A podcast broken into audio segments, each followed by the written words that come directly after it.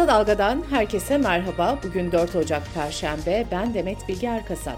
Gündemin öne çıkan gelişmelerinden derleyerek hazırladığımız Kısa Dalga bültene başlıyoruz. Yargıtay 3. Ceza Dairesi, Anayasa Mahkemesi'nin Türkiye İşçi Partisi Milletvekili Can Atalay ile ilgili ikinci hak ihlali kararını da uygulamadı.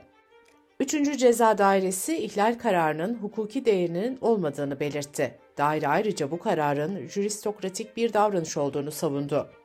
Juristokrasi, yargıçlar yönetimi anlamına geliyor. Yargıçların oligarşik bir yönetim oluşturmasını tanımlıyor.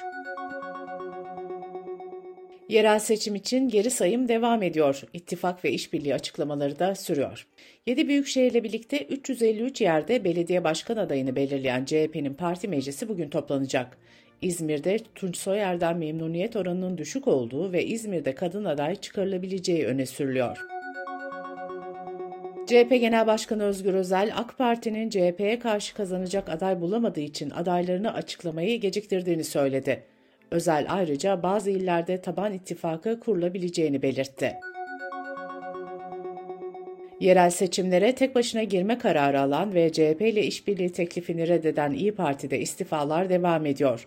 İyi Parti'nin İstanbul Büyükşehir Belediye Meclis üyesi Ali Kıdık istifa etti. Kıdık, İyi Parti'nin muhalefete muhalefet eden konuma geldiğini söyledi. AK Parti'nin İstanbul adayı henüz açıklanmadı. AK Parti'de 3 ismin ön plana çıktığı belirtiliyor. İçişleri Bakanı Ali Yerlikaya'nın da diğer adayların önünde olduğu konuşuluyor.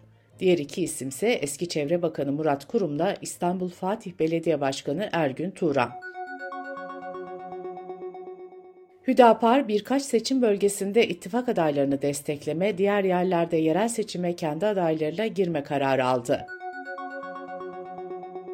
CHP Genel Başkan Yardımcısı Burhanettin Bulut, Cumhurbaşkanı Erdoğan'ın Süper Kupa krizini sabotaj girişimi olarak nitelendirmesini meclis gündemine taşıdı. CHP'li Bulut Erdoğan'a sabotaj yapanları açıkla çağrısı yaptı. 6 Şubat depremlerinde yakınlarını kaybeden aileler 5 Ocak'ta bulundukları kentlerde adalet nöbeti başlatacak. Bir gün gazetesine konuşan aileler 11 aydır davalarda önemli bir gelişme olmadığını söyledi. 6 Şubat'ta Adıyaman'da KKTC'li sporcuların aralarında olduğu 72 kişiye mezar olan İsyas Otel davası başladı. Dava öncesi açıklama yapan KKTC Başbakanı Ünal Üstel, adalet yoksa devlet de olmaz dedi. AFAD, Maraş depremlerinden sonra bağış hesabında 125 milyar liradan fazla para toplandığını açıkladı. Bu paranın 73 milyar liradan fazlasının da afetzedelere ulaştırıldığı belirtildi. Emniyet Genel Müdürlüğü Necip Hablemitoğlu cinayeti sanıklarından Nuri Gökhan Bozkır'ın yakalandığını duyurdu. Daha önce Ukrayna'da yakalanıp Türkiye'ye getirilen Bozkır, Temmuz ayında firar etmişti.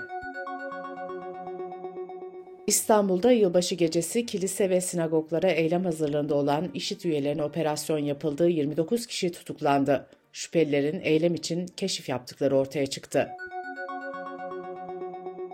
İçişleri Bakanı Ali Yerlikaya, 18 ülke tarafından kırmızı bültenler anan 56 kişinin yakalandığını açıkladı. Gazeteci Fatih Altaylı'ya Galatasaray tribün oluşumu Ultra Aslan lideri Sabahattin Şirin'e hakaret ettiği gerekçesiyle 7 ay hapis cezası verildi. Bu arada Altaylı hakkında Filistin'e destek yürüyüşündeki yumruk olayından sonra sosyal medyada eline sağlık yazdığı için soruşturma açıldığı ve ifadeye çağrıldığı belirtildi. Altaylı Cuma günü ifade vermeye gideceğini söyledi. CHP milletvekili Ömer Fethi Gürer, üniversite mezunu işsizlerle ilgili meclis araştırma önergesi verdi. Gürer, üniversite mezunu işsizlerin toplam işsiz nüfusun üçte birini oluşturduğunu belirtti. Aylardır grevde olan Sputnik Haber sitesi çalışanı gazeteciler işverenin şikayeti üzerine karakola çağrıldı. Gazeteciler iş ve çalışma hürriyetini ihlal etmekle, huzur ve sükûnu bozmakla suçlandı. Türkiye Gazeteciler Sendikası grevden vazgeçmeyeceklerini belirtti. Kısa Dalga Bülten'de sırada ekonomi haberleri var. Yılın ilk enflasyon oranı açıklandı. Türkiye İstatistik Kurumu'na göre Aralık'ta aylık enflasyon %2.93, yıllık enflasyon ise %64.77 oldu. Bağımsız ekonomist ve akademisyenlerin kurduğu enflasyon araştırma grubu ise aylık enflasyonu %4.2, yıllık enflasyonu ise %127 olarak hesapladı. Resmi enflasyona göre SSK ve Bağkur emekli aylıklarına %37.57, memur ve emekli memur aylıklarına %49.25 zam yapılacak. En düşük sendikalı memur maaşı 30.910 lira olarak hesaplandı. Enflasyon verilerinin ardından alkol ve akaryakıta gelecek özel tüketim vergisi zammı da belli oldu. Alkol içki ve akaryakıtta ÖTV tutarı %25.6 artacak. Gelir İdaresi Başkanlığı 2022 yılında vergi rekortmeninin Baykar Yönetim Kurulu Başkanı Selçuk Bayraktar olduğunu açıkladı. İkinci sıradaki kişi ismin açıklanmasını istemedi. Üçüncü sırada ise Rahmi Koç yer aldı. Antalya'da saç kesim fiyatları %80 arttı. Antalya Berberler Odası'nın yeni fiyat listesinde saç sakal kesimi lüks tarifede 1100 olarak belirlendi. Bu liste sosyal medyada gündem oldu. Dış politika ve dünyadan gelişmelerle bültenimize devam ediyoruz. Lübnan'ın başkenti Beyrut'ta düzenlenen saldırıda Hamas'ın siyasi kanadının en üst düzey isimlerinden Salih Aruri öldürüldü. Saldırının gerçekleştirildiği dahiye Lübnan Hizbullah'ının kalelerinden biri olarak biliniyor. Aruri suikasti sonrasında Batı Şeria'da yüzlerce kişi sokağa çıktı. Hamas ve İslami cihattan da saldırının karşılıksız kalmayacağı açıklaması geldi. Lübnan Başbakanı Mikati saldırıyı kınadı ve İsrail'in Lübnan'ı yeni bir çatışmaya sokmaya başladığını söyledi. Birleşmiş Milletler ise taraflara itidal çağrısında bulundu.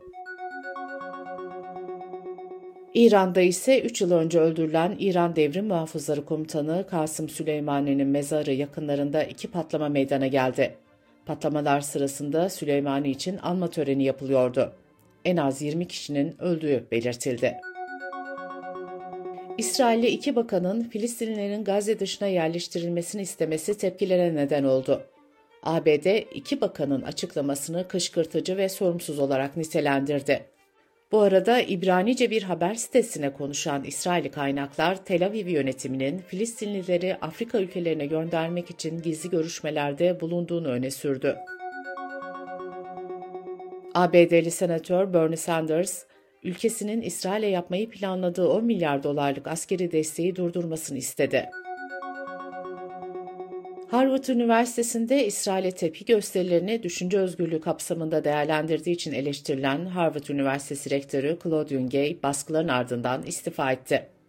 Pensilvanya Üniversitesi Rektörü de yine benzer eleştirilerin ve baskıların ardından istifa etmişti. Türkiye, İngiltere'nin Ukrayna'ya devrettiği mayın avlama gemilerinin boğazlardan geçişine izin vermeyeceğini duyurdu. Bunun Montreux Boğazlar Sözleşmesi'nin ihlali anlamına geleceği belirtildi. Brezilya, Rusya, Hindistan, Çin ve Güney Afrika Cumhuriyeti'nin oluşturduğu ekonomik topluluk BRICS genişlemeye devam ediyor. İran'ın ardından Suudi Arabistan'da topluluğa katıldı. Japonya'daki 7.6 büyüklüğündeki depremin ardından dün de Arjantin'de 6.1 büyüklüğünde deprem meydana geldi. Amerikalı milyarder Jeffrey Epstein davası ile ilgili 150 ismin önümüzdeki günlerde açıklanacağı belirtiliyor. Epstein, çocuk istismarı ve seks amaçlı insan ticareti suçlarından tutuklanmış ve 2019 yılında cezaevinde intihar ettiği açıklanmıştı. BBC'nin haberine göre İngiltere Kraliçesi 2. Elizabeth'in oğlu York Dükü Prens Andrew ismi açıklanması beklenen kişiler arasında. Kültür, sanat ve yaşam haberleriyle kısa dalga bültene devam ediyoruz. Alaska'da bir kutup ayısının kuş gribi nedeniyle hayatını kaybettiği açıklandı. Uzmanlar bunun bir ilk olduğunu söyledi. Yılın en çok gişe hasılatı elde eden film yapım şirketleri belli oldu. Universal birinci, Disney ise ikinci sırada yer aldı. Yılın en çok gişe hasılatı elde eden Barbie filminin yapımcısı Warner Bros. ise üçüncü oldu. İngiltere parlamentosunun üst kanadı Lordlar Kamerası'nın 90 bin sterlin yani yaklaşık 3 milyon lira değerinde şampanya aldığı iddiası büyük tartışma yarattı. İskoç Ulusal Partisi halk krizle boğuşurken lordların lıkır lıkır şampanya içtiğini belirterek tepki gösterdi. Lordlar Kamerası sözcüsü ise şampanyaların halkın vergisiyle alınmadığını söyledi. Dünyanın en ünlü animasyon fareleri Mickey ve Minnie Mouse'un telif hakları 1 Ocak itibariyle ortadan kalktı. Amerika'da telif hakları süresi 95 yıl. Bu süre dolunca Walt Disney'e ait olan animasyon karakterleri de kamu malı oldu. Bültenimizi kısa dalgadan bir öneriyle bitiriyoruz. Özgür Gürbüz'ün hazırlayıp sunduğu Kömür ve Ötesi programına konuk olan Doktor Nejat Tamzok, kömürün enerji sektöründeki rolünü ve kömür ithalatını anlatıyor. Kömür ve Ötesi'ni kısa dalga.net adresimizden ve podcast platformlarından dinleyebilirsiniz.